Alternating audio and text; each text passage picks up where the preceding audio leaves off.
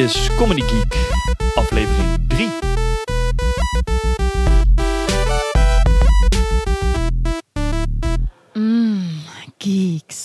Welkom bij aflevering 3 van Comedy Geek, de podcast die gaat over artiesten. Wat, wat beweegt artiesten nou? Waarom doen wij de dingen die we doen? Waarom willen wij zo graag in de spotlight? Waarom hebben wij zo ontzettend de behoefte om dingen te maken, te creëren? Of het nou schrijven is, of muziek maken, of wat dan ook. Waarom doen we dit? En daar gaat deze podcast over.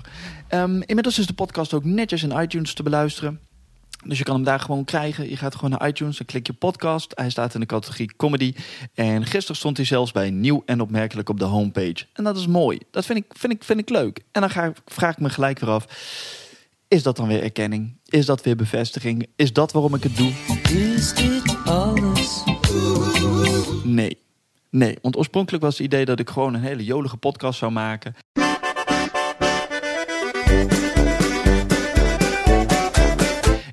Gewoon met van allerlei dingen door elkaar. En nou, op een gegeven moment heb ik zoiets gehad van... weet je wat, het moet anders. Het, eh, het moet gewoon helemaal omgegooid worden. Het moet wat belangrijker worden. En met belangrijker bedoel ik wat, wat, wat... Het moet gewoon wat dieper gaan. Het moet wat meer nut hebben. Niet zozeer op de bevestiging, maar gewoon vragen van... waarom? Waarom dan?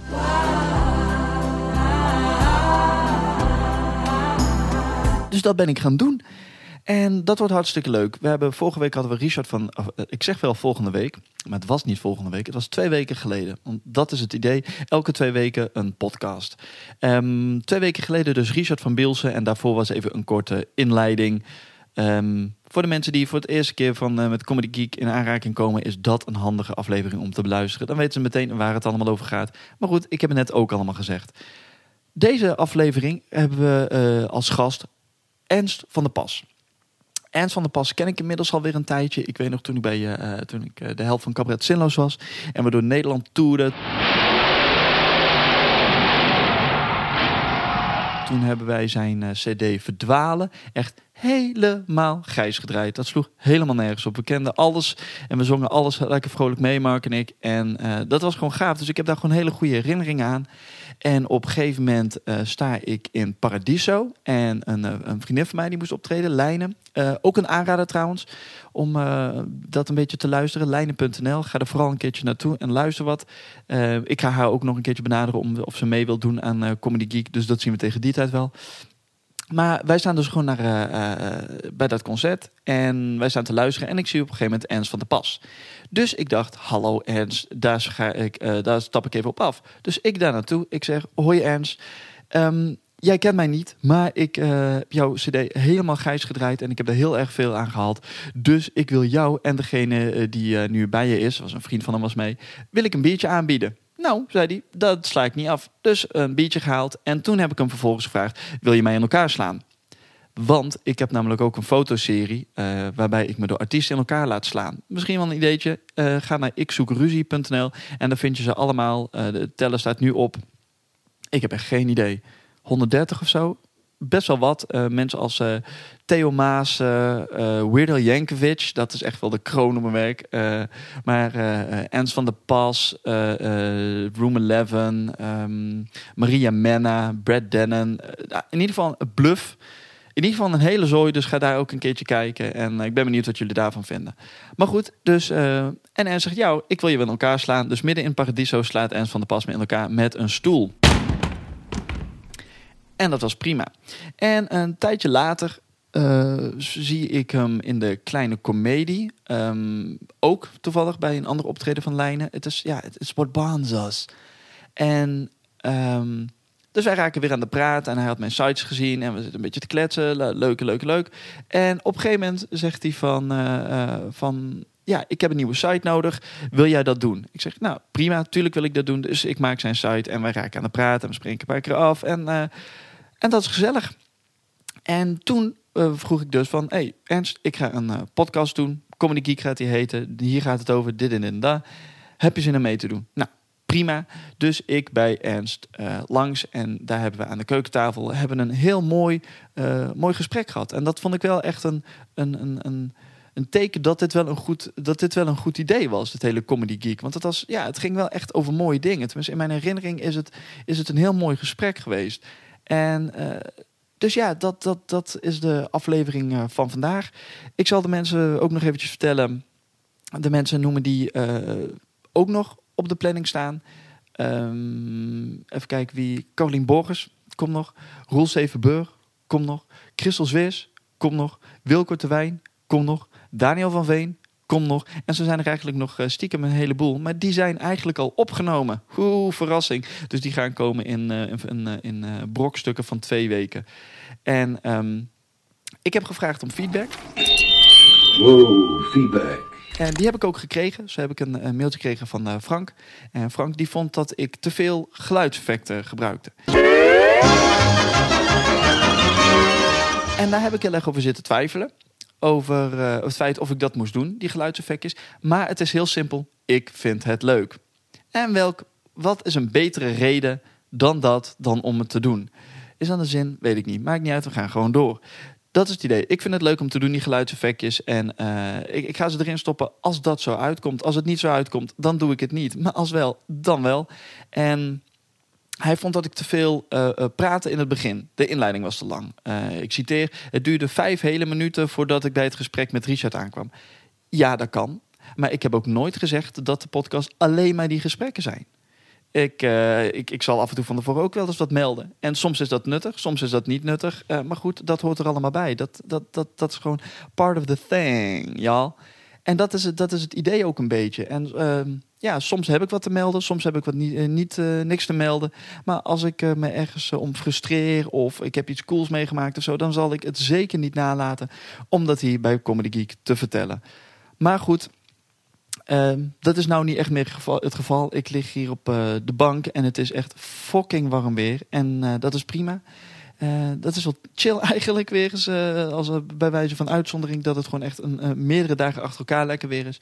En ik ga zo meteen richting Utrecht voor de Comedy Huiskamershow. Want ik ben lid van het Comedy Huis. En elke laatste zondag van de maand hebben wij in U-Rock, Café U-Rock in Utrecht, hebben wij de Comedy Huiskamershow. Met elke keer een thema. En het thema van vanavond is lentekriebels. Ehm, ik ga mijn uiterste best doen om dit zo meteen al live te zetten. Maar dan nog weet ik dat het erg kort dag is. Maakt verder niet uit. Ik zal voor de volgende keren zal ik het wat, eh, wat, sneller, wat sneller melden. Dat, dat, dat is wel zo netjes. En bij die ehm Comedy Huiskamer Show ga ik ook een nieuw ding eh, lanceren. En dat is de Geek Connectie. En waarbij ik op wetenschappelijke wijze het, eh, het thema van die maand even schaamteloos doormidden zaag. Dus heb je interesse om een keertje langs te komen elke laatste zondag van de maand in Café U-Rock in Utrecht. Het eh, Comedy Huiskamershow van het Comedy Huis. En dan zal ik niet te lang meer eh, blijven lullen en eh, wens ik jullie veel plezier met het gesprek van, of nee, niet van, met, met, dat is het. Dat, ah, hmm, ik word je nog wel eens goed in hoor. Geef me een tijdje en dan word ik je wel eens goed in. Maar ik wens jullie veel plezier dus met het gesprek eh, met Ernst van der Pas. Zit je lekker? Jazeker. Mooi. Nou, Ernst, hoe is het met je jongen? Hmm. Het, is, eh, het is heel goed met mij. Mooi. Grote veranderingen, dat wel. Ja, ik begin over twee weken met mijn kooschappen. Kooschappen, dat, ik ken de kooschappen natuurlijk alleen maar van Grey's Anatomy en dat soort eh, ongein. Maar eh, dat is echt heftige shit, toch? Ja, ik ga twee jaar lang eh, stage lopen in het ziekenhuis. En is het dan ook echt van die, eh, ik weet niet hoeveel uur per week? Of valt dat wel mee? Is. Ah, het is in ieder geval wel vroeg.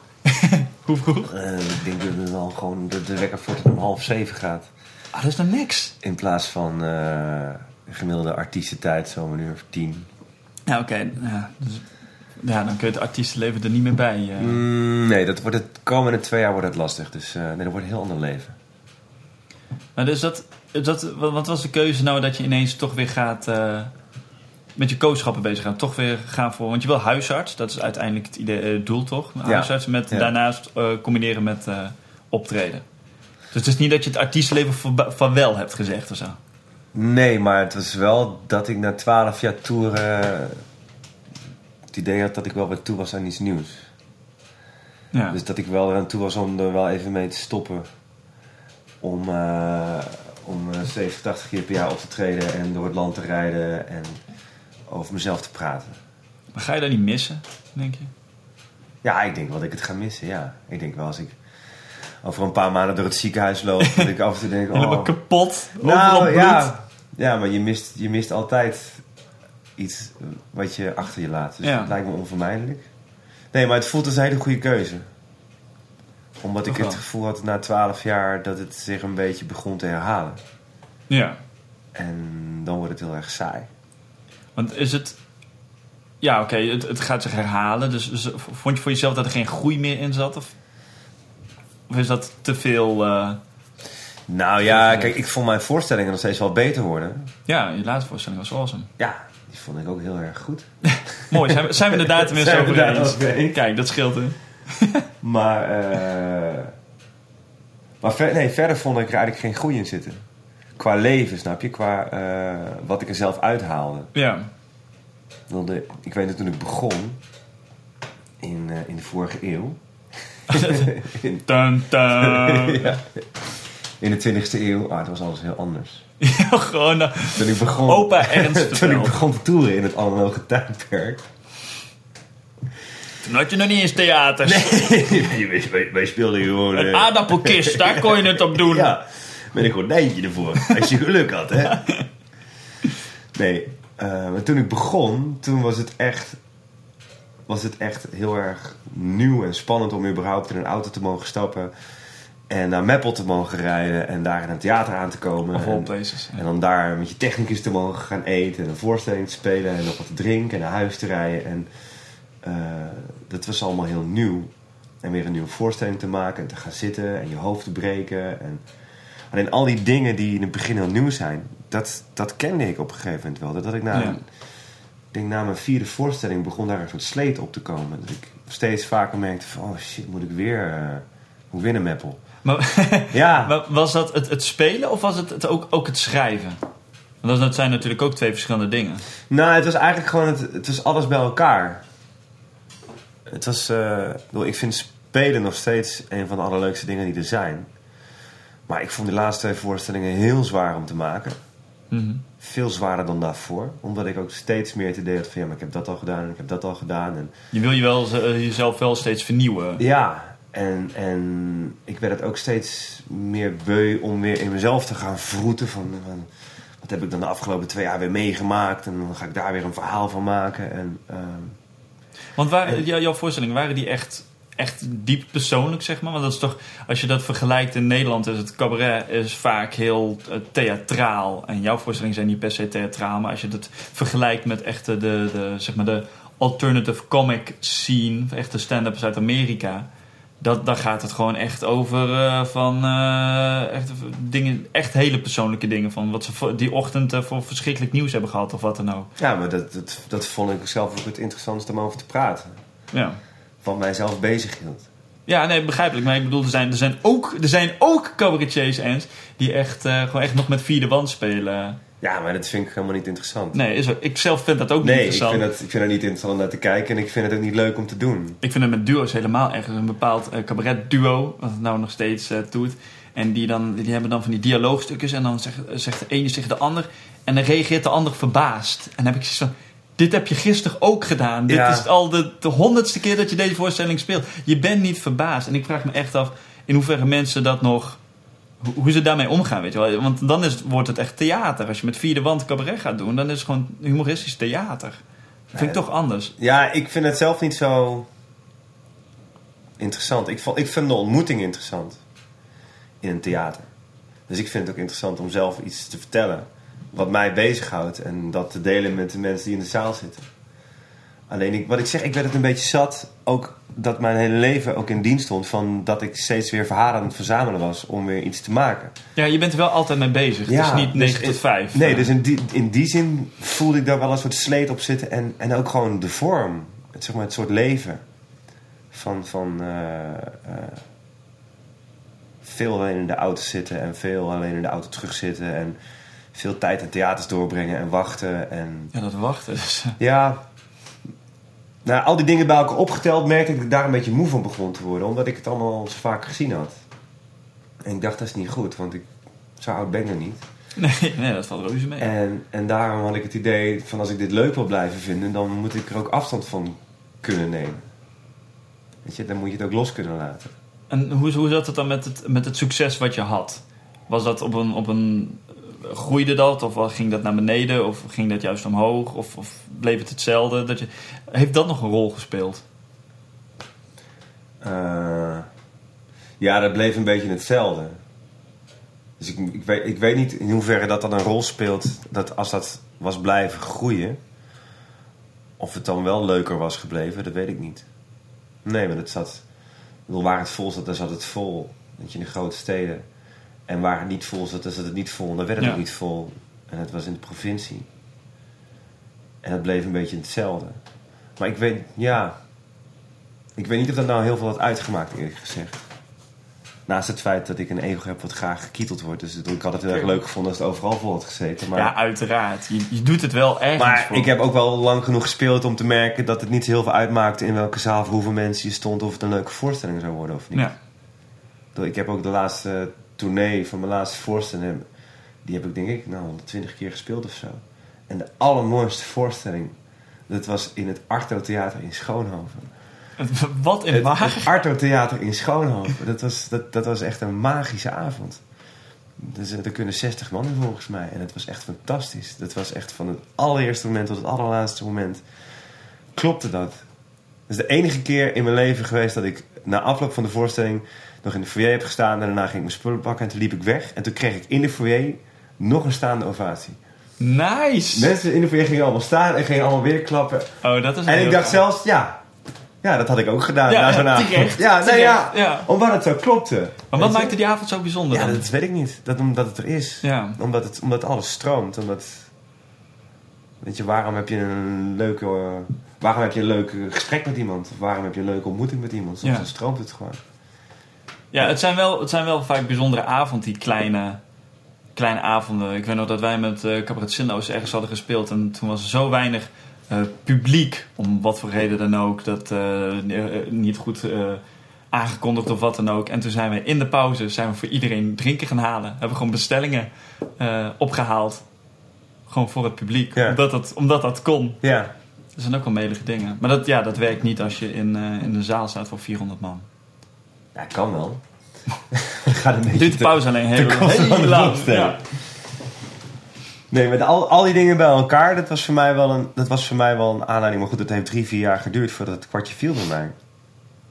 Want ik heb eerst had ik het idee van, nou, ik moet gewoon mijn, mijn vak verder uitdiepen. Dus toen ben ik liedjes voor anderen gaan schrijven. En toen ben ik gaan stand-uppen bij Comedy Train. Dacht, nou, dan kan ik dat gaan leren en dan word ik weer beter. En, maar daar zat het hem niet in of zo. Het zat hem echt in een soort, ehm, gewoon een soort moeheid.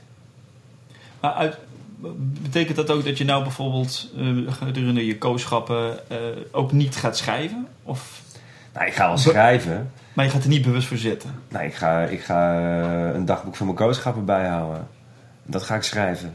En wat ik, of, of ik daarna daar nog iets mee doe, ja, dat zie ik dan wel weer. Maar Ja. dat doe ik in eerste instantie voor mezelf. En niet omdat ik de co-assistent deel 2 moet gaan schrijven. en dat is ook wel fijn, dat ik als ik nu dingen doe... Ik heb laatst nog een paar keer met mijn band gespeeld. En het voelde zo vrij. Dat ik dacht, de enige reden dat ik hier sta is omdat ik dit heel graag wil. Ja. En niet omdat het moet of omdat ik eh mijn hypotheek moet betalen of eh, omdat het goed is voor mijn carrière. Of, nee, omdat ik het wil. En dat is ook wel waarom ik dacht, ik moet er afstand van nemen. Omdat ik dacht, als ik zuiver wil houden waarom ik dit doe, Mhm. dan, dan moet ik het niet blijven doen om redenen die er niks mee te maken hebben. Als ik wil eh, heel graag eh, heel beroemd worden of ik wil heel graag nog meer geld verdienen of ik wil heel graag cabaretier zijn. Eh, volgens mij, want ik ben het ooit gaan doen omdat ik het graag wilde doen ja, omdat ik het leuk vond. logisch, ja. En eh, dus ik dacht, als ik dat niet wil laten ondersneeuwen, dan, dan, dan is het wel goed om er ook afstand van te nemen. Wel knap. Of zeg, want je zei net ook al van, je hebt een ego dat graag kieteld wil worden. Nee, ik heb zelfs een theorie dat ja, elke artiest dat wel zo'n beetje heeft. Anders ga je niet op een podium staan. Op, eh, eh, ja, dat zal zo wel zo'n reden hebben. Ja, maar je houdt, je houdt het niet op vol. Nee, ja, klopt. Je moet wel meer hebben dan alleen eh, de, de wil voor bevestiging. Want als dat, als dat je drang is, dan, dan is het ook nooit genoeg. Dat klopt, daar kan ik over meepraten. Ja, weet je, dan sta je, dan sta je het ene jaar sta je 100 man. En dan Ja. denk je, hartstikke leuk. Maar dan moet het jaar erop moeten er wel 200 Ja. zijn. Want anders is het niet genoeg. Ja, je legt, eh, legt de lat steeds dat, hoger. is een, gewoon- dat is een soort bodemloze put volgens mij. Ja. Ja, want het, het, de, de gein van eh, de lat hoog leggen is dat je hem dus, als je hem daar zelf hebt gelegd, die lat, en als je hem er ook maar dreigt te halen, dan, leg je, dan pak je hem weer op en dan leg je hem weer hoger. En dan blijf je in zo'n ja, vicieuze cirkel zitten Ja, dat het nooit goed is. Dat boven- je nooit, nooit gelukkig bent. Je eigenlijk tevreden zou moeten zijn met die 100 man. Nou ja, en bovendien, heb, door mijn ervaring, is het de enige die uiteindelijk jou tevreden kan stellen, dat ben jij zelf. Ik vond mijn vijfde voorstelling zelf helemaal niet goed. Ik vond het gewoon geen goede voorstelling. En ik kreeg mijn vinger niet achter. Maar ik denk, hij klopt gewoon niet. Maar andere mensen vonden hem wel leuk. Ik heb hem wel gespeeld, ik heb hem wel zo goed mogelijk aangepast. Maar andere mensen vonden hem beter dan ik. Maar hoeveel mensen hem ook goed vonden, dat maakte er niet, zorgde er niet voor dat ik er gelukkiger mee werd, snap je? Maar de, de, je laatste voorstelling. Nee, de voorstelling daarvoor. Get Alive. Get Alive, ja. Met, die, met die pop op het podium. Ja, die heb ik eh, gemist. Mijn excuses. Ja, godverdomme. ja. Maar... eh, Ik wilde nog naar Schoonhoven komen, maar ik hoorde daar zulke rare verhalen van. nee, ik wil alleen maar zeggen, als je, het zelf, als je zelf niet tevreden bent, dan, dan maakt de waardering die je van buiten krijgt, dat, dat, dat is nooit genoeg. Dat maakt dan niet uit. Het begint toch bij jezelf. Maar waarom, waar zat het hem dan, dan in? Dat je dat Get Alive niet... eh, Nou, als ik nu vier jaar later terugkijk, denk ik dat ik op dat moment gewoon niet zo heel veel te vertellen had. Ja, dat kan het. Ik had, voor, ik had gewoon helemaal geen voorstelling moeten maken. Ja. Maar ik moest er wel een maken. En het is, ik bedoel, het is geen slechte voorstelling. Maar, maar niet voor mij, snap je? Hij, Ja. hij klopte niet met mij. Maar achteraf klopt het ook wel. Want ik, ja, want het klopt dat je, als je niks te melden hebt, dan krijg je een voorstelling waarin je minder te melden hebt. ja, ja, en waarin het een beetje op twee gedachten hinkt. En die niet... eh, ja. Maar... eh, nou goed, dus met de laatste voorstelling is dat wel goed gekomen. Want die, Ja. die had enorm veel noodzaak. Maar die, die gaat ook alleen maar over of ik dit wel moet doen. Ja, grappig is ook dat ik ja. die voorstelling heb gemaakt, die laatste voorstelling, met alleen maar de vraag: ja, maar heeft het zin dat ik dit doe? En waarom doe ik dit? En wat blijft er van over? En wat beklijft er? Wat heb ik eraan? Wat heeft de wereld eraan? En hij is klaar, de voorstelling. En daarna besluit ik om te stoppen. Dus Ja, dat is ook wel... ja dat, ik vond ik ook wel ironisch. Want inderdaad, wij, wij hebben elkaar... De eerste keer dat we elkaar hebben ontmoet... was volgens mij in Paradiso. Ja, bij een optreden, bij een optreden van Lijnen. Ja, En toen heb ik gevraagd of je mij aan elkaar wilde slaan. ja voor dat, mijn, was, dat eh, was een hoogtepunt. Dat was een hoogtepunt, uiteraard. En eh, ja, voor mijn fotoserie, voordat mensen zoiets hebben van, what the fuck? Wat, eh, wat voor eh, masochist is dat? Nee, en toen raakten we aan de praat en voor nog een keertje naar de rand elkaar ergens ontmoet. In een kleine comedie, geloof ik. En toen uiteindelijk, ja, overlegde en ik ging jouw site maken. En toen stond dat ding er eenmaal. En toen was het van, ja, ik ga stoppen met cabaret. Oh, timing. Ja. ja. Maar ja, dat, dat klopt dus ook. Maar je had daar ook de plannen voor om te gaan reizen. Want, je, want, dat is natuurlijk ook een groot deel van jouw leven. Je had allemaal plannen voor reisverhalen en eh, wat je wilde gaan schrijven en voor op de site. En je had plannen om... Ja, je bent na de rand ook een hele tijd weg geweest. Ja, en daarvoor ook. En ik. eh,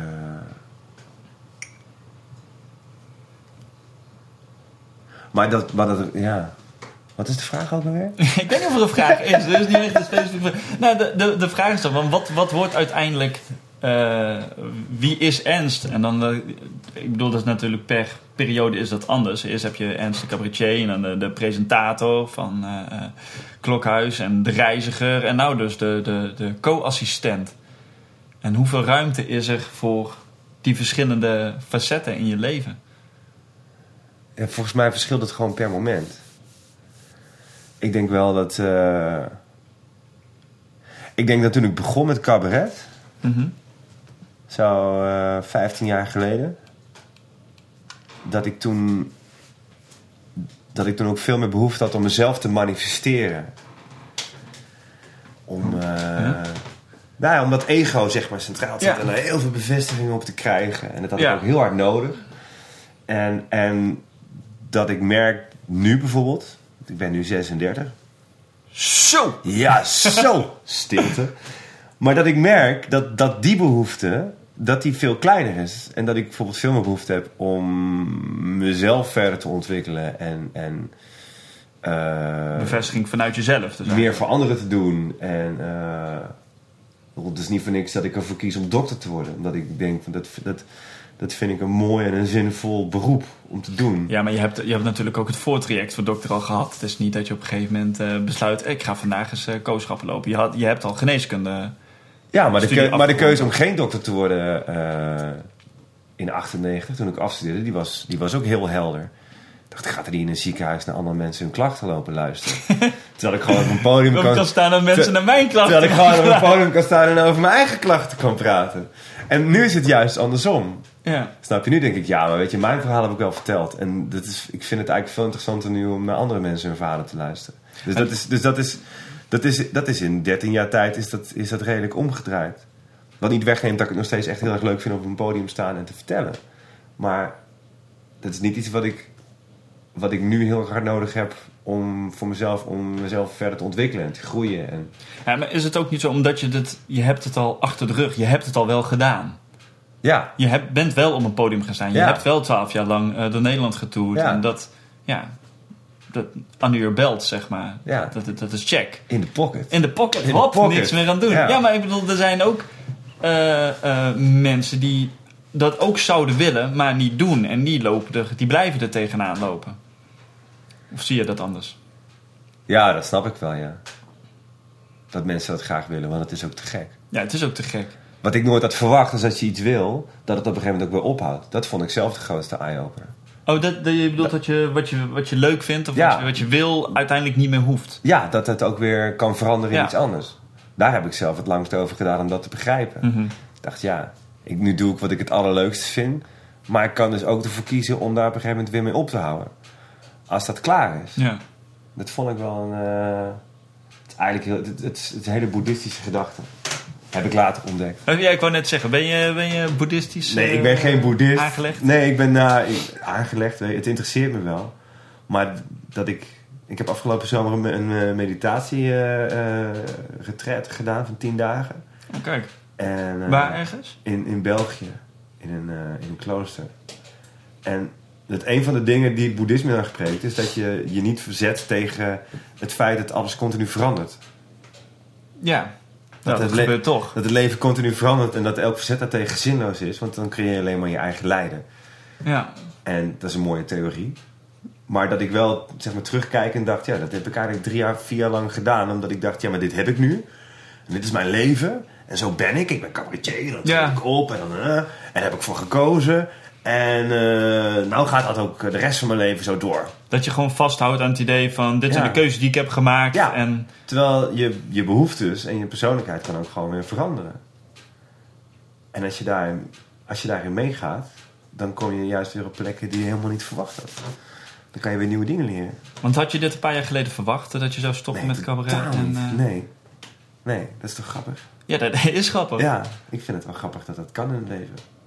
En dat het dus Waarom kan, ook niet? Ja. En dat het kan kloppen. ja, dat is ook wel eens. En dat je verder, nou kun je verder gaan met waar je toen mee opgehouden bent. Met, met eh, je studie geneeskunde, dan ga je dat, dat pak je nou weer op. Is dat- niet raar? Vinden ze dat niet raar als je de kooschap gaat lopen? Ja, ik heb- ben er een paar jaar tussenuit geweest. Nee. nee, dat is wel grappig. Nee, ik heb een paar goede gesprekken gehad met de studieadviseuse. En die zei ik van ja, nee, het komt niet vaak voor, maar waarom niet? Je wordt er alleen maar een betere dokter van. Ja, En dat, dat denk ik ook wel. Want ik heb wel iets meer levenservaring dan de gemiddelde co-assistent van 22. Dus. ja, dat geloof ik ook wel. eh. ja. Buiten het feit dat je twaalf jaar lang door heel Nederland hebt getoerd. En, eh, Ja.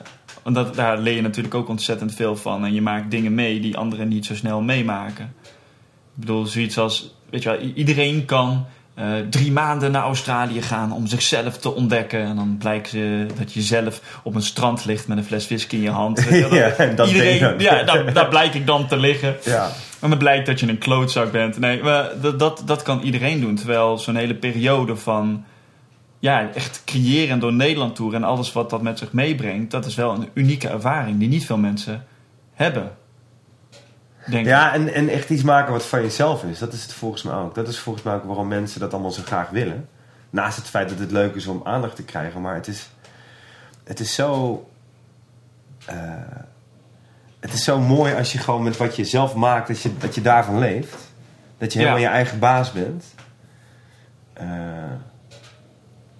ik weet nog wel, toen ik mijn huis kocht en dat ik voor de deur stond en dacht, Jezus, ja, dit heb ik helemaal zelf bij elkaar gepraat. Hebt bij elkaar ik, gepraat. ja, en dat vond ik zo'n fantastische gedachte. Allemaal met grapjes geld. Ja, dat hebben we allemaal zelf bij elkaar gegrapt. Ja. Weet je, die deur is een grap. Ja. Die- en dat raam is een grap. En die vloer, dat zijn, Dat zijn liedjes. dat zijn liedjes. En, eh, en, en, dat is, en dat is wel fijn. En dat is ook wel... eh, maar tegelijkertijd, waar, waar, ik, waar ik zelf moe van werd, is dat je dus daar... Je bent helemaal niet onafhankelijk. Want je bent van iedereen afhankelijk. Je bent afhankelijk van je, van je impresariaat en van de theaters en van de media. En van, eh, van programmeurs en van het publiek. En van... eh, om steeds maar weer je plek veilig te stellen. Maar wat was jouw plek in het cabaretlandschap? Ja, dat weet ik, dat weet ik niet. Ja, ik, ik, ik, ik vraag het omdat ik het... eh, ik vond het wel een heel grappig effect, omdat dat, dat, Mark en ik, toen ik nog Cabaret Zinloos eh, zat... Wij hebben jouw cd, eh, zeker die eerste, echt helemaal schraal gedraaid in de auto. En terecht, heerlijk. Maar dus wij hadden jou echt op een, op een voetstuk eh, eh, staan. En we zijn toen in het Werftheater naar je komen kijken. En dan was echt zo, oh, daar, daar staat hij in de hoek. En dan, en dan raak je met zo iemand aan de praat. En dan zijn het, ja, is het ook gewoon iemand die doet wat hij wil doen. En gewoon het menselijke aspect kwam dan ineens wat meer naar voren. Om het zomaar te zeggen. Ik weet niet precies waar ik hiermee naartoe wil. Maar ehm, daarmee vraag ik de, de, de plek die jij in het cabaretlandschap had. Voor ons was het heel duidelijk van eh, deze gozer die maakt ontzettend gave shit. En eh, qua, qua muziek was, eh, was het echt helemaal top. En dus dat, dat, voor ons had dat dan een bepaalde plek in het cabaretlandschap. Ja, Terwijl bijvoorbeeld in die, die, ehm, andere cabaretiers daar geen hadden. Omdat we daar minder mee hadden. Maar misschien wel de, de cabaretiers die dan veel vaker op tv kwamen. Wat dan ook. Oké, het klokhuis eh, gedeelte even uitgezonderd. Want dat is niet eerlijk als je vaste presentator Ja. bent. Maar ik bedoel gewoon vanwege je cabaret ding in de media komen. Het is... Jij was niet de... de ja, wie zullen we eens pakken? nee, je moet geen namen gaan Nee, maar is- inderdaad, nee. de, de, de populaire cabaretier van het moment, die met alle trosspelletjes meedoet, eh, van toen, zeg maar, dat, dat, dat, dat was niet. Dus welke plek denk jij dat jij had binnen de dingen? Was het een vaste schare fans? Was het toch veel nieuwe mensen die kwamen kijken? Zijn het echt cabaretliefhebbers? Of was het meer de muziek die mensen... Nee, trok? ik, ik weet eigenlijk vooral dat ik, en misschien is dat wel inherent hoor, mensen die op het podium staan, mezelf mijn eigen plek altijd heel erg heb onderschat. Ja, dat zou kunnen. Dus dat ik, al, dat, ik, dat ik niet dacht dat mijn plek heel groot was. Ik denk dat mijn plek groter was dan ik dacht dat die was toen ik nog speelde, zeg maar. Ik weet het niet. Ik had wel ik, trouwe, ja, trouwe fans. Het is ook wel grappig dat ik nog steeds cd's verkoop via de site. Terwijl ik Ja. al Oh, dus het werkt wel. Ja, het Mooi systeem, tiet. Het eh. werkt als een tiet. Een hele goede site. Nee, maar dat er nog steeds, eh, dat er nog steeds mensen zijn die mijn cd's via de site kopen... terwijl ik al bijna een jaar niet meer speel. Ja. Maar het is... En, en ik heel veel mensen ook, want ik verkocht zelf mijn cd's na afloop van de voorstelling. Ja. Wat ik ook leuk vond om te doen. Dan sprak ik die mensen. En heel veel mensen ook eens terugkwamen en de show twee, drie keer zagen en alle cd's kochten. En, dus ik denk dat er wel een hele trouwe schare fans was die het echt gek vonden wat ik deed. Eh, Maar was het ook zo dat mensen dan voor het... Dat lijkt me ook vaak, want jij eh, bij in het eh cabaretlandschap zijn er natuurlijk een heleboel cabaretiers, cabaretières, noem het maar op. Die doen een muzikaal element erbij. Maar dat bedoel ik ook echt letterlijk van erbij. Weet je, die zingen een liedje en dat is gewoon verder misschien een, een leuke of een mooi gevonden tekst. Maar bij jou was het, het muziek, het muzikale element was wel van hoog niveau. Je, had echt een, je hebt een hele band, je hebt echt cd's gemaakt met een hele band erbij. En dat was, ja... maar ik had ook eerste liedjes. Dat was de basis van alles. Ja? Ja, ik begon altijd met liedjes schrijven. En als ik een voorstelling moest maken, had ik eh, eerst had ik acht liedjes. En dan ging ik nog eens een keer, Kijk, kijk wat is de overeenkomstige rode draad? En eh, ging nog eens een keer verhalen erbij zoeken. En eh, dit houdt ze op hoor. we hebben hem bellen. Ja. Live in de uitzending. Maar nee, dus de liedjes was ook de basis. Dat was ook het eerste wat ik deed toen ik met cabaret begon. Is dat ik gewoon, dat ik gewoon liedjes schreef en zong. En die ben ik aan elkaar gaan praten. Kwam was toen de band er al? Nee, die band die kwam pas een paar jaar later. Toen ik eh, twee voorstellingen had gemaakt, dacht nu moet ik maar eens een cd gaan maken. Ja, Dat was, eh, terecht. dat was pas in 2001. Dat was deze eeuw. Dat was deze eeuw. Ja. Ik weet nog, hij kwam uit op cassette. ja, precies, ja. Cassette, ja, hoe leg je dat uit? Dat is een soort MP, fysieke MP3. Ja. eh, Het is een soort plakband. plak. Ja, twee gewoon plakband in, in een doosje. Ja. Ehm, nee, dus die muziek. En ik geloof ook wel dat dat, dat dat ook de meeste mensen wel trok, zeg maar. Dat, dat het heel muzikaal was en dat het redelijk filosofisch was. ja, Dat die twee dingen, dat, dat, eh, dat daar mensen wel echt voor kwamen. want ik vraag me ook af, de, die, die fans die had, waren dat fans die wisten van al de dingen die je deed? Of was het meer van, ze komen in aanraking met je muziek en dan blijkt, oh, hij heeft er een, hele cabaret, heeft een heel cabaretprogramma eromheen? Ja, twee. dat Er waren best wel veel mensen die om de CD kwamen kopen. Die zeiden, ik had er nooit van je gehoord, maar een vriend van mij had die CD voor je gebrand. eh, voor hem gebrand. En toen ging ik het luisteren en dan komen ze de voorstelling. En dan komen ze ook nog het origineel, want willen ze dan graag hebben. Ja, ben ik En, krabbel eh, erop. Ja.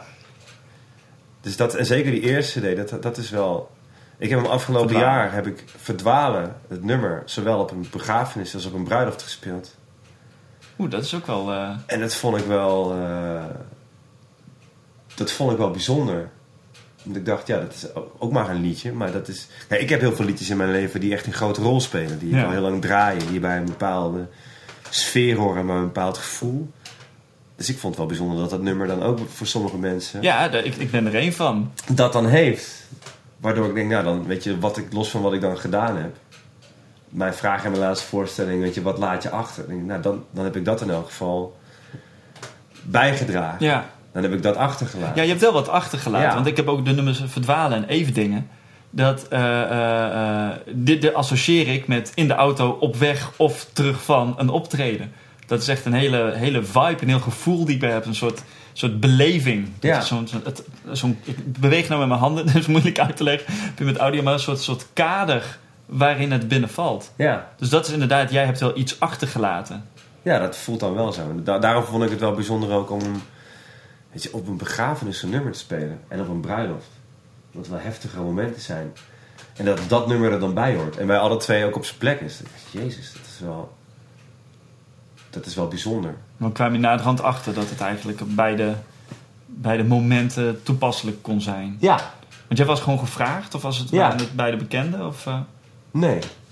Ja, de ene was een vriend van me en de andere was, was via vrienden van Ja. me. En, en ze klopten alle twee. En dat vond ik wel bijzonder. Maar ik denk... Want ja, de, je, plek, weet je, je, plek, je plek is nooit genoeg. Ik denk dat het, dat is ook wat ik net zei. Dat is, dat is een soort...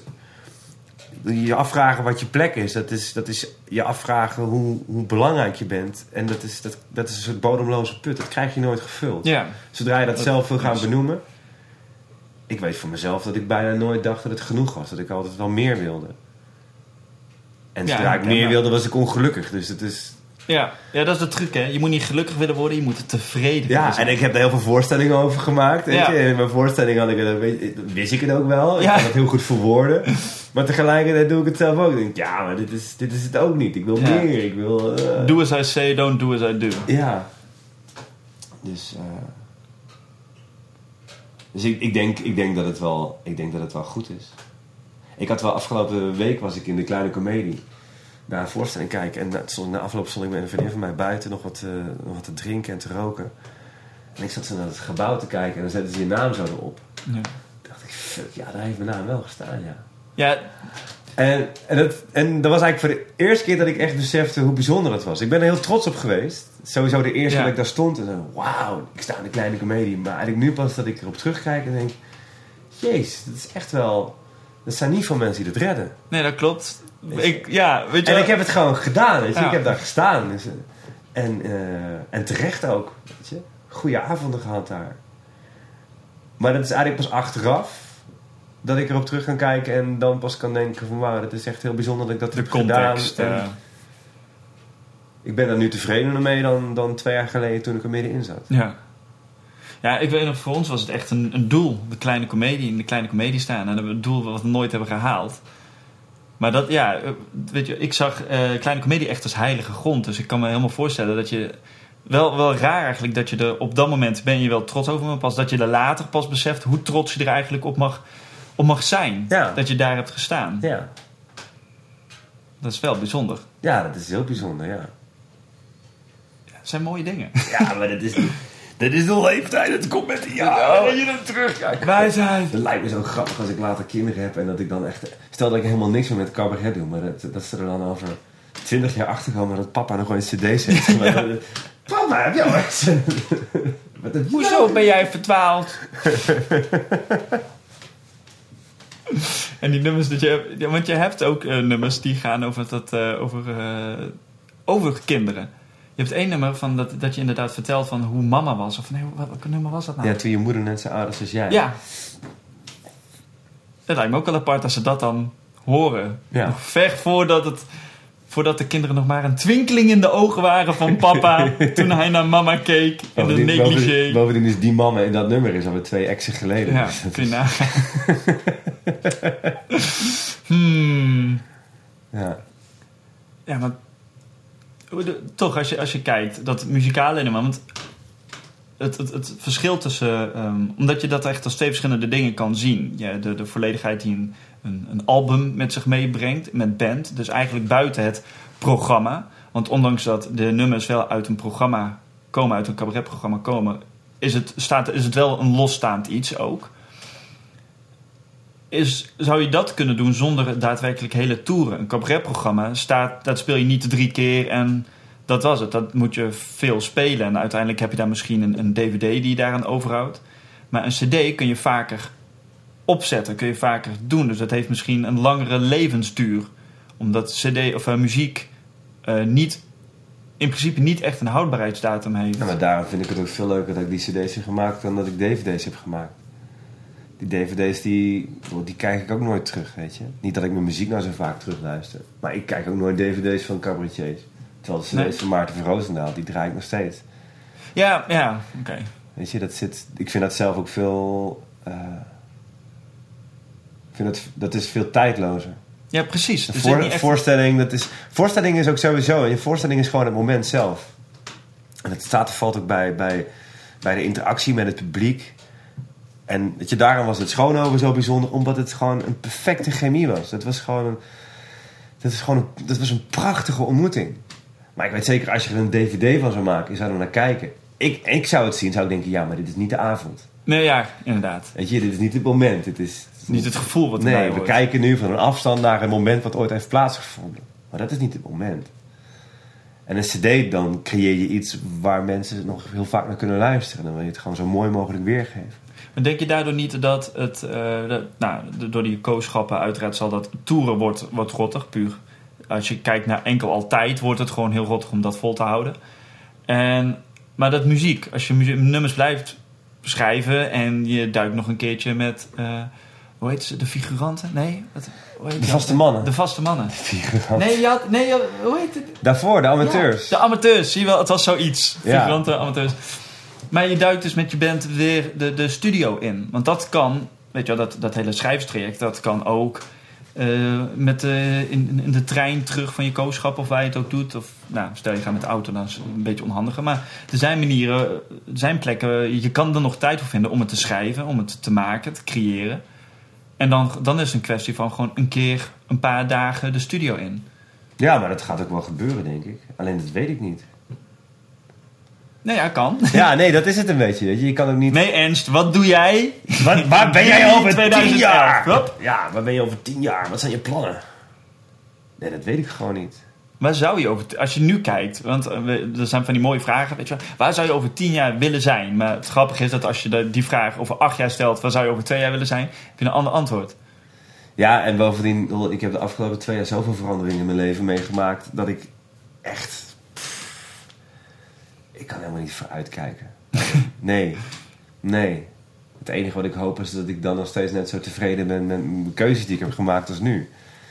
Maar wat ik dan precies doe. Nou, de je, dat, dat, dat is het gekke. Dat ik denk, ja, ik kan, ik kan over tien jaar kan ik eh, eh, parttime huisarts zijn en drie maanden per jaar toeren met een band. Eh, maar ik kan ook best, weet je, misschien zit ik wel in het buitenland ergens. Misschien ben ik wel dokter op Paaseiland. En, eh, schrijf, Hoofddokter. eh, Schrijf, ja, schrijf ik daar boeken over. Of, eh, het enige wat ik weet is, kijk, ik, dat heb ik wel geleerd de afgelopen 15 jaar. Ik, ik zal altijd blijven maken. Ja, precies, want de bloed kruipt toch uit Nou, die ik, gaten. ik ben niet bang dat ik ophoud met maken, omdat ik gewoon weet dat wat ik ook meemaak, ik wil het omzetten in een, in een vorm om het te delen. En daarom schrijf ik ook reisverhalen, niet voor mezelf. Want ik vind het leuk om terug te lezen, maar ik schrijf altijd reisverhalen omdat ik dan een verhaal kan vertellen aan mensen die er niet geweest zijn.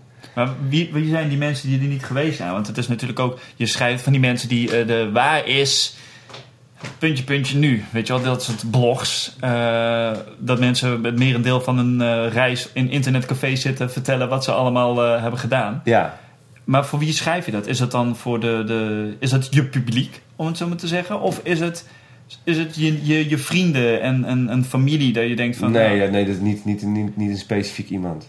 Gewoon voor men. voor men? Voor men. En wat, wat wil je dan daaruit halen? Dat mensen het dus, Nee, maar die zit- beleving? Nee, daar zit, nee, daar zit niks in halen. Het, het, er, is, er ligt een heel. Het, het, het is zo fijn om iets wat is gebeurd of iets wat je in je hoofd hebt, een beeld of zo, om dat om te zetten in iets tastbaars.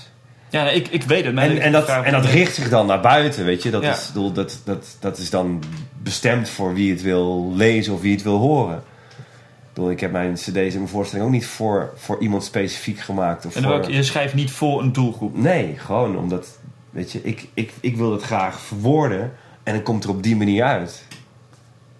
Dat heb ik ook wel gemerkt. Dat ik bedoel, wat ik, wat ik maak is eh, anders dan wat iemand anders maakt. Ja, dat zou wel handig Het zijn. is uniek. Nee, maar het zo- is, het is uniek omdat ik, en bedoel, wat jij maakt is ook uniek.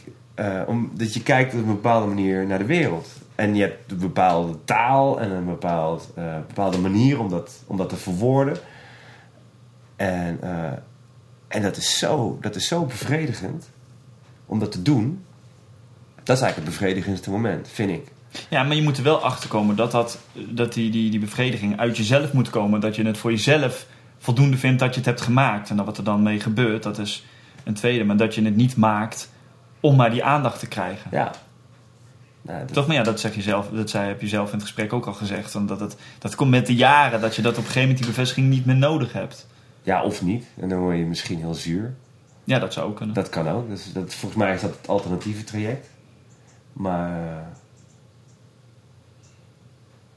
maar volgens mij zit het een vreugde echt in, gewoon in, in het moment dat het ontstaat. En dat je het verwoordt en dat je het terugleest. Of dat je het aan iemand laat lezen of laat horen en merkt dat hij het snapt.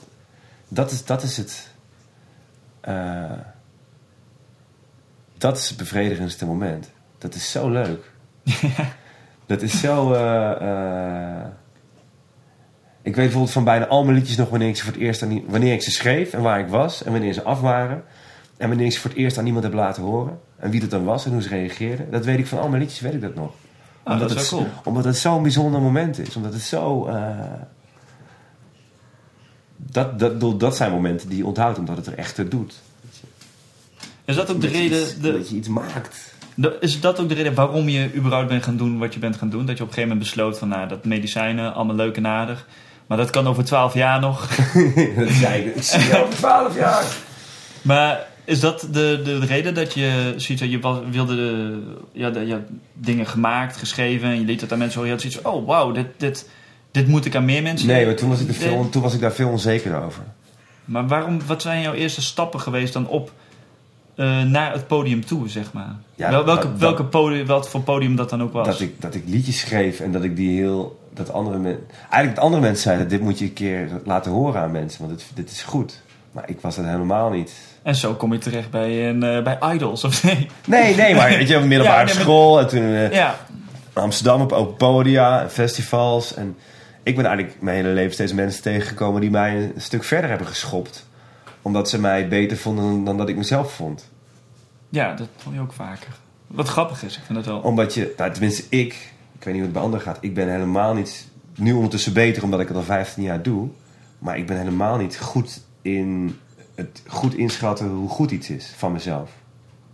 Maar dat is ook heel... Ja, nee, ik snap Ik ben, ik ben bij bijna alles wat ik doe en maak geneigd om het te onderschatten maar, eh, en te het, understaten. ja, is het ook niet dat je het gewoon vindt, omdat dit nou eenmaal is Ja, hoe jij bent? Ja, Ja. tuurlijk schrijf ik liedjes, want dit, ja, d- daar doe je geen, niet per se moeite voor. Ja. Natuurlijk, je gaat er misschien wel een keer voor zitten, maar als in van, ja, maar dit komt gewoon uit mij. Dit, dit is gewoon gewoon. Dit, Ja. dit, dit hoort. Als ik dit niet doe, dan En bovendien, ik vind andere mensen veel beter. Weet je, dan eh, ik kan wel een liedje schrijven. En dan hoor ik eh, eh, Red me niet van Maarten van Roosdal. Dan denk ik, ja, maar dat is een nummer. Kijk, ja. Dat, kijk, nu gaat het ergens over. Ja. Nu snijden we hout, weet je. Terwijl dan hoor ik een liedje van mezelf. En dan denk ik, ja, ja. leuk gevonden. Le- leuk gevonden. Ja, het is ook een beetje een trucje, denk ik dan. En het is ook een trucje. Het- het- eh, Alles op een podium is in principe Ja. een trucje. Eh, dus er is niet zo heel erg veel waarmee je jezelf echt verbaast. Heb je dat wel eens gedaan? Jezelf echt verbaasd? En dan niet dat andere mensen tegen jou zeggen van... Oh, dit is, dit is fucking awesome, Ernst. En dat jij zoiets van... Huh? Eh. niet dat soort verbaasd, maar echt dat je zoiets hebt van... Nou, bijvoorbeeld dat je een, een, een vergeten tekst... Ik weet niet of je die hebt, maar van die, van die teksten... Dat je Nou, ja, nee, nog, geschreven... nog sterker. Dat ik, ik, ik moest laatst een masterclass eh, liedjes schrijven gegeven. En toen heb ik alle nummers die ik ooit heb geschreven, heb ik, ben ik eens gaan verzamelen. Maar van oude, van oude schijfjes nog teksten gehaald en zo. eh. Allemaal in een mapje, Allemaal in- ja, afmaken, allemaal, en ja, en allerlei... Oh. Alles in een map doen, maar dat was Herinner- even, her- eh, hoe noem je dat? nostalgie, Nee, eh, eh, herkenning. herkenning. Ja. Zo moeilijk woord was het niet. Nee, Ja, ik kon er niet opkomen. Maar dat vond ik, dat, dat vond ik, toen dacht ik, shit, maar dit is allemaal een goed nummer zeg. Jeez, maar dat is een goed nummer. Heb ik dat echt 15 jaar geleden geschreven? Godverdomme. Als ik nu iemand van 20 zou tegenkomen die zo'n liedje zou schrijven, dan zou ik echt Onder de indruk. zwaar onder de indruk zijn. Weet je. Terwijl op het moment zelf, nee, ik vind het bijna, nee. Ik vind het wel, eh, ik bedoel, ik vind het wel goed en ik ben wel blij. Wat ik zeg, het is een bijzonder moment. Maar ik heb het idee dat andere mensen eerder onder de indruk zijn of, eh, dan ik zelf. Dan wat je zegt, omdat je, ja, dat went ook, dat je dat kan. Ja. Eerst, eerst, eerst was ik gewoon heel erg onzeker, omdat ik dacht dat ik niks kon. En daarna was ik wel gewend aan dat ik het kon, maar Ja. was ik niet snel onder de indruk.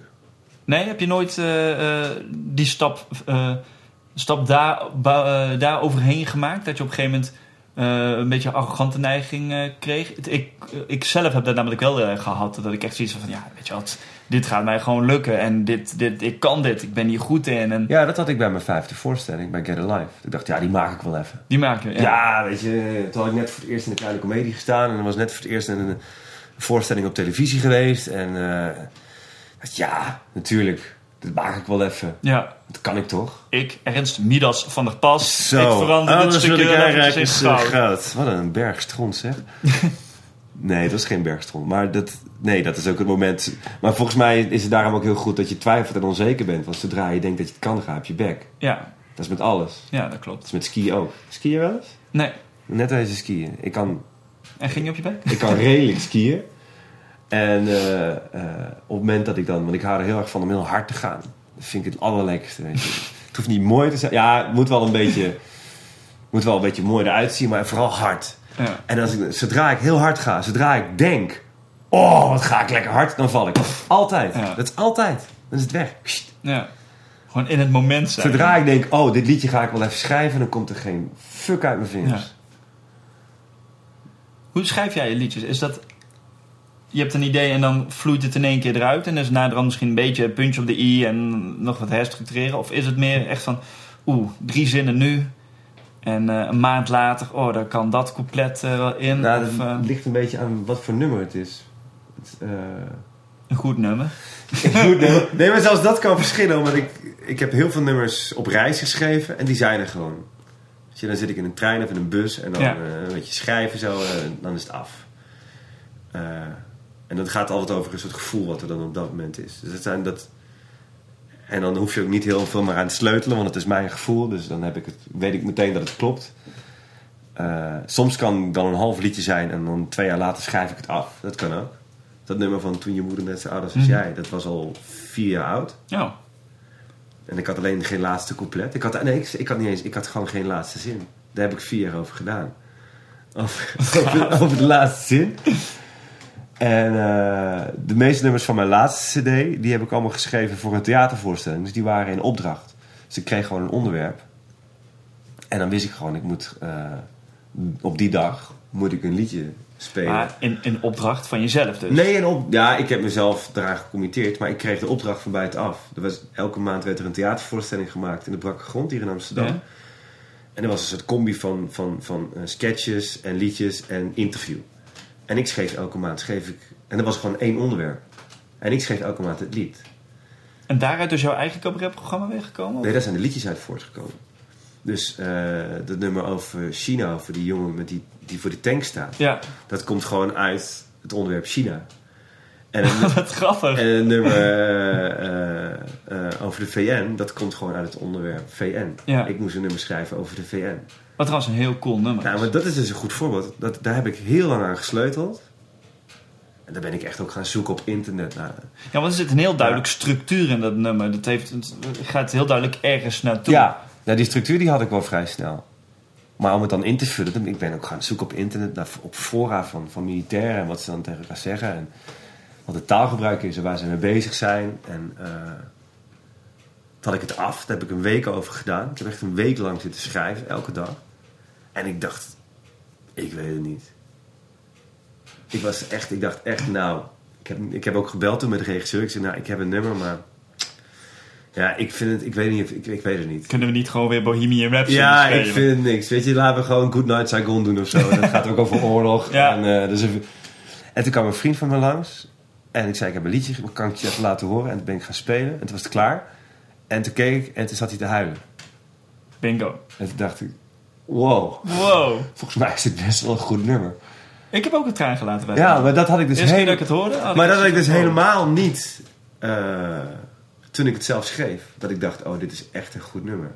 Maar als je het dan heel echt eh, onderzoekend schrijft, zoals je zei, je bent er een week mee bezig geweest, sta je er dan niet op een gegeven moment te veel vanaf? Is er niet een soort, een soort beroepsdeformatie dat je naar coupletten en structuur aan het kijken bent en, en, en de, de, de flow van het geheel, het metrum, en dat je niet meer denkt van, oh, dit, is, dit kan pakkend zijn. Nee, je zit er gewoon te diep in of Ja. zo. Dus ik denk, ik- het enige wat ik weet, ja, het klopt. Het loopt goed en de muziek is mooi en de opbouw klopt. En door ambachtelijk gezien is het goed. Ja, Dat zie ik wel. de weet je. ambacht, hè? Ja, maar het is een ambacht, weet je. Ja. Het is gewoon... eh, Ambacht slash trucje. Nou, ambacht vind ik een beter woord. ja, dat is het ook. Ja, Ja. Gewoon erin. Maar, eh, maar ik kan zelf echt totaal niet inschatten of het goed is. Of, of het impact heeft. Of het, eh, de grap is ook, want die eerste cd... Iedereen draait verdwalen en even dingen. Dat zijn de enige twee nummers die beklijven van die cd eigenlijk. En foto ja, een beetje. een foto. Ja. Maar verdwalen en even dingen, iedereen. En vooral verdwalen. Ja, Het is- zijn, het, het zijn En voor mijzelf ook. Dat vind ik echt... Eigenlijk, dat zijn twee van mijn allerbeste nummers. Het zijn de Maar- hits op zo'n cd. Maar waarom in godsnaam? Ik heb die twee nummers heb ik eh, in een tijdsbestek van vier dagen geschreven. En allebei binnen een halve dag. En het ene in een trein en het andere op een balkon eh, met een kater. Ja. En echt niet dat ik het af had en dacht, nou, ik heb nou toch een nummer voor de eeuwigheid geschreven. Terwijl ik ook nummers heb geschreven. En dacht, nou, dit is echt zo'n fucking... Toen je moeder net zo oud is als jij. Ja. Dat ik dacht, dit is, is zo'n mooi nummer. En het beeld en het plaatje. En dan, hè, ik heb eindelijk die slotzin zeg. Oh, wat een mooi einde. Oh. Hier ga ik de wereld mee eh, en eh, voeten. ja, dat raakt mij ook niet. Maar wat het dan is. ja. Ik heb, dat, dat snap ik nog steeds niet. Waarom dat dan is. Maar is er niet een, toch een bepaalde onzekerheid die dan toch uitkomt? Dat je niet durft toe te geven dat het, dat het zo mooi zou kunnen zijn of goed zou kunnen zijn? Het is niet dat je dat niet durft. Het is gewoon meer dat je dat niet weet. Ja, ja oké, maar dat zou ook Dus als je het dan zou zeggen van dit is heel goed, dan zou je gewoon bluffen, want je weet het helemaal niet. Ja. Dat is wel wonderbaarlijk, dat je dat gewoon echt niet weet. ja, maar dat kan aan de ene kant ook wel de kracht zijn. Ik heb laatst eh, een, een boek eh, van de Beatles zitten lezen waarin, waarin ze in hele korte, zijn allemaal quotes uit interviews, eh, waarin ze ook eh, commentaar leveren op liedjes. Van zichzelf. Ja, hoe ze tot stand zijn gekomen en, eh, en ook hoe John Lennon dan zijn hele oeuvre gewoon afkraakt. Dan denk je, jezus gast. Ja. Dat is een briljant nummer. En dan hoor je hem, ja, nee, ja, dat was een stukje in de krant. En dat hebben we toen omgezet. Maar ik vond het eigenlijk niet zo bijzonder. En, Ja, het is gewoon voor ze. Het is, dat is wat ze doen. Denk ik dan. Hè. Ik, kan, ik, Ja. kan, ik kan niet in de kop van John Lennon eh, kijken. Nou, misschien wel, maar dan moet ik heel veel papieren invullen. wil ik dat voor elkaar krijgen. Nee, maar dat... eh, Maar dat is volgens mij ook de magie waarom je het wil blijven doen. Want je, bedoel, dat je ook jezelf, tenminste voor me, je kan jezelf blijven verrassen. Dat is ook waarom ik denk dat ik wel blijf maken en blijf schrijven. Omdat als het lukt, dan is het zo eh, bevredigend. Dus we hebben nog niet de allerlaatste keer meegemaakt dat Ernst van der Pas op het podium staat. Nee, toch? Dat denk ik niet, maar... Nee. Dus, dat is aan jou. Nee. En dus ook niet nu... Oh, verbrand aan de kachel. Nee, dat is eh, ook niet nu het moment om daar een beslissing over te maken. Net nu aan de voortrekensavond in kooschappen. Nee, maar je kan ook... Nee, maar wat voor beslissing zou je ook moeten maken? Ik ga nooit, meer- ik ga nooit meer optreden. Ja, nou ja, precies. Eh, bellen ze volgende week. Kom je daar naar spelen? Ja, natuurlijk. Ja. Ik heb laatst weer... Ge... Hoe heet dat tentje? Carré? Carré. Ja. Ik wil best... eh, moet je me even een routebeschrijving sturen? Ik heb laatst gestand-up in Groningen met die Jena's. Dat is zo'n stand-up Ja, comedy ja, ik ken gezelschap ze daar. van uh, Pieter Jouke. Ja. En, eh, En Ja. eh, gewoon in een zaaltje onder bij Café de Spiegel. 40, 50 man. Nou, ik was zenuwachtig, jongen. Ik had allemaal nieuwe grappen geschreven. Ik scheet in mijn broek. Ik was zagrijnig. Jezus. van tevoren al. Ja, van tevoren, ja. En ik stond buiten te roken en te vloeken. Godverdomme, waarom... En dat stelde niks voor. Wat ik zeg, gewoon een zaaltje op donderdagavond met 50 studenten. Ik vond het zo dood, doodeng. En ik ging spelen en het ging best aardig. En ik had een nieuwe grap en die werkte. Altijd mooi. Ik was gelukkig, jongen. Ik was zo ongelooflijk blij. Mooi hoe je als artiest zo kan pijnigen. Ja, dat ik wel dacht, jezus, heb ik mezelf dit 12 jaar continu Ja. aangedaan. Nee, maar dat was misschien ook wel een van de redenen waarom ik, waarom ik dacht, het staat me te stoppen. Ik had het ook bijna niet meer voor de voorstelling. Die zenuwen. Nee, dat ik, nee, dan stond ik in de kleedkamer. Ja, maar god, over vijf minuten moet ik al spelen. Nou ja, oké, nou, dan ga ik me maar eens omkleden of zo. Ja. Maar dat gevoel dat er echt iets op het spel staat. Dat, werd, dat, weet je, dat, dat, dat, dat, dat heeft volgens mij iedereen. ja, weet ik niet. Ik had het zelf heel snel. Want wij, we hebben wel veel gespeeld. Maar niet, niet, niet zoveel als jij bijvoorbeeld. Maar ik had dat vrij snel. Dat ik zoiets van, ja, zo meteen lekker spelen. Die, die zenuwen, dat, ik had daar niet zo'n last van. Ik vond het ook raar. Ik had wel het idee van op zo'n podium, ja, dat is wel de plek waar ik moet zijn. Maar het, ja, ik weet niet. Ik kan er niet echt een, eh, een reden voor geven waarom ik zo voelde. Terwijl Mark veel zenuwachtiger was voor een, eh, Ja. voor een optreden. Ik weet nog zelfs dat we in Nieuwe Luxor speelden. En, en met kameretten. En eh, dat ik inderdaad zo, oh, cool. Ja, Nieuwe Luxor, oh, heel gaaf. Ja, ja. Maar dat ik niet echt zoiets had van, oh shit. Nee, helemaal niet. En dat vond ik echt raar. Dat vond ik eigenlijk zelfs een beetje tegenvallen van mezelf. ja. Dat ik niet, dat ik wel het besef had van, ja, dit is wel heel gaaf. Dit is wel bijzonder. Zoveel mensen staan er niet in een, eh een uitverkochte Nieuwe Luxor te spelen. En toch had ik zoiets van, ja,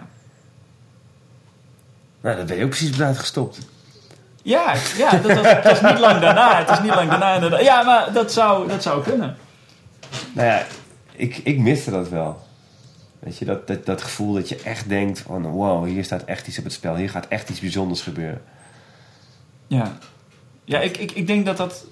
Tenminste voor mezelf dan. Ik, nu ik weer met... eh, nu ik ga, echt ga beginnen met eh, stand-up comedy. Gewoon echt in mijn eentje. En een aantal trefwoorden in je hoofd als het ware. En, want de eerste paar keer dat ik ging stand-uppen... was het ook echt eh, nog dat hele cabareteske. Gewoon een tekst helemaal min of meer uitschrijven. En dan, dan deed je je ding. Dat doen die comedians ook, man. Ja, Laat je niks- uiteindelijk. laat je niks gek nee, maken. uiteindelijk. Maar het is wel wat, wat dichterbij. Het switchen van het ene naar het andere kant Ja. sneller. Het is meer... Ja, ik weet niet. Het, is, het, het voelt wat echter op de een of andere manier. Ik, heb meer, ik ben zenuwachtig als ik ga eh, stand-uppen dan wanneer ik toen met cabaret deed.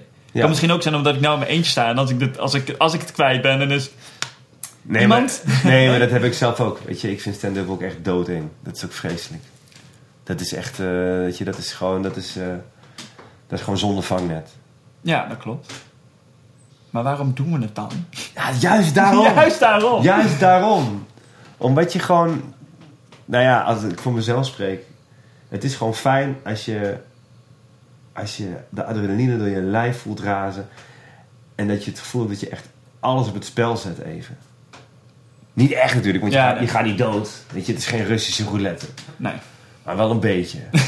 Weet je, zo voelt het wel op dat moment. Dat je echt denkt van, oh, fuck. Weet je, als dit maar goed gaat. En als het dan lukt, de adrenaline die dan vrijkomt. Dat ja, is, dat is echt... dat is, en maar ook daarvoor, weet je, het gevoel voordat je...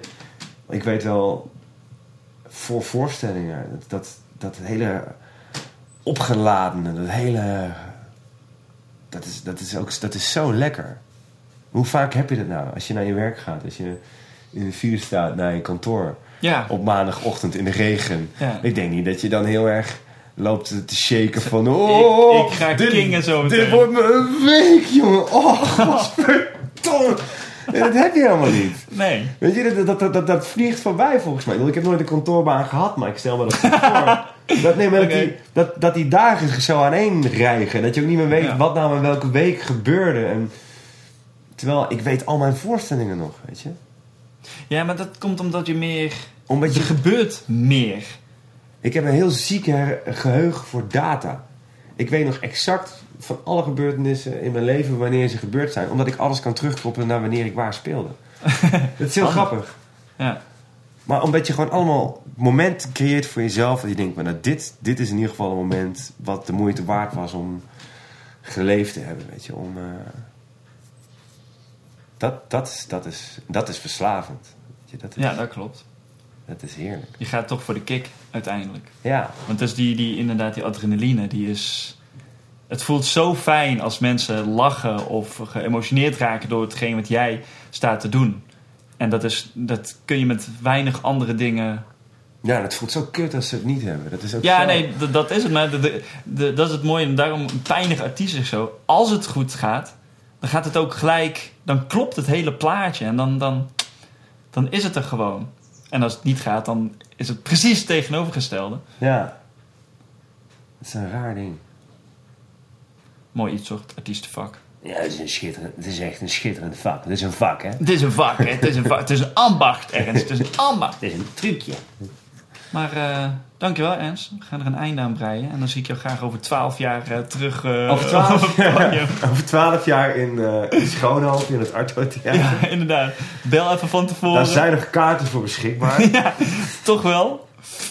Nee, super bedankt. Ik hoop dat je het een mooi gesprek vond. En eh, succes met alles. Ja, dankjewel.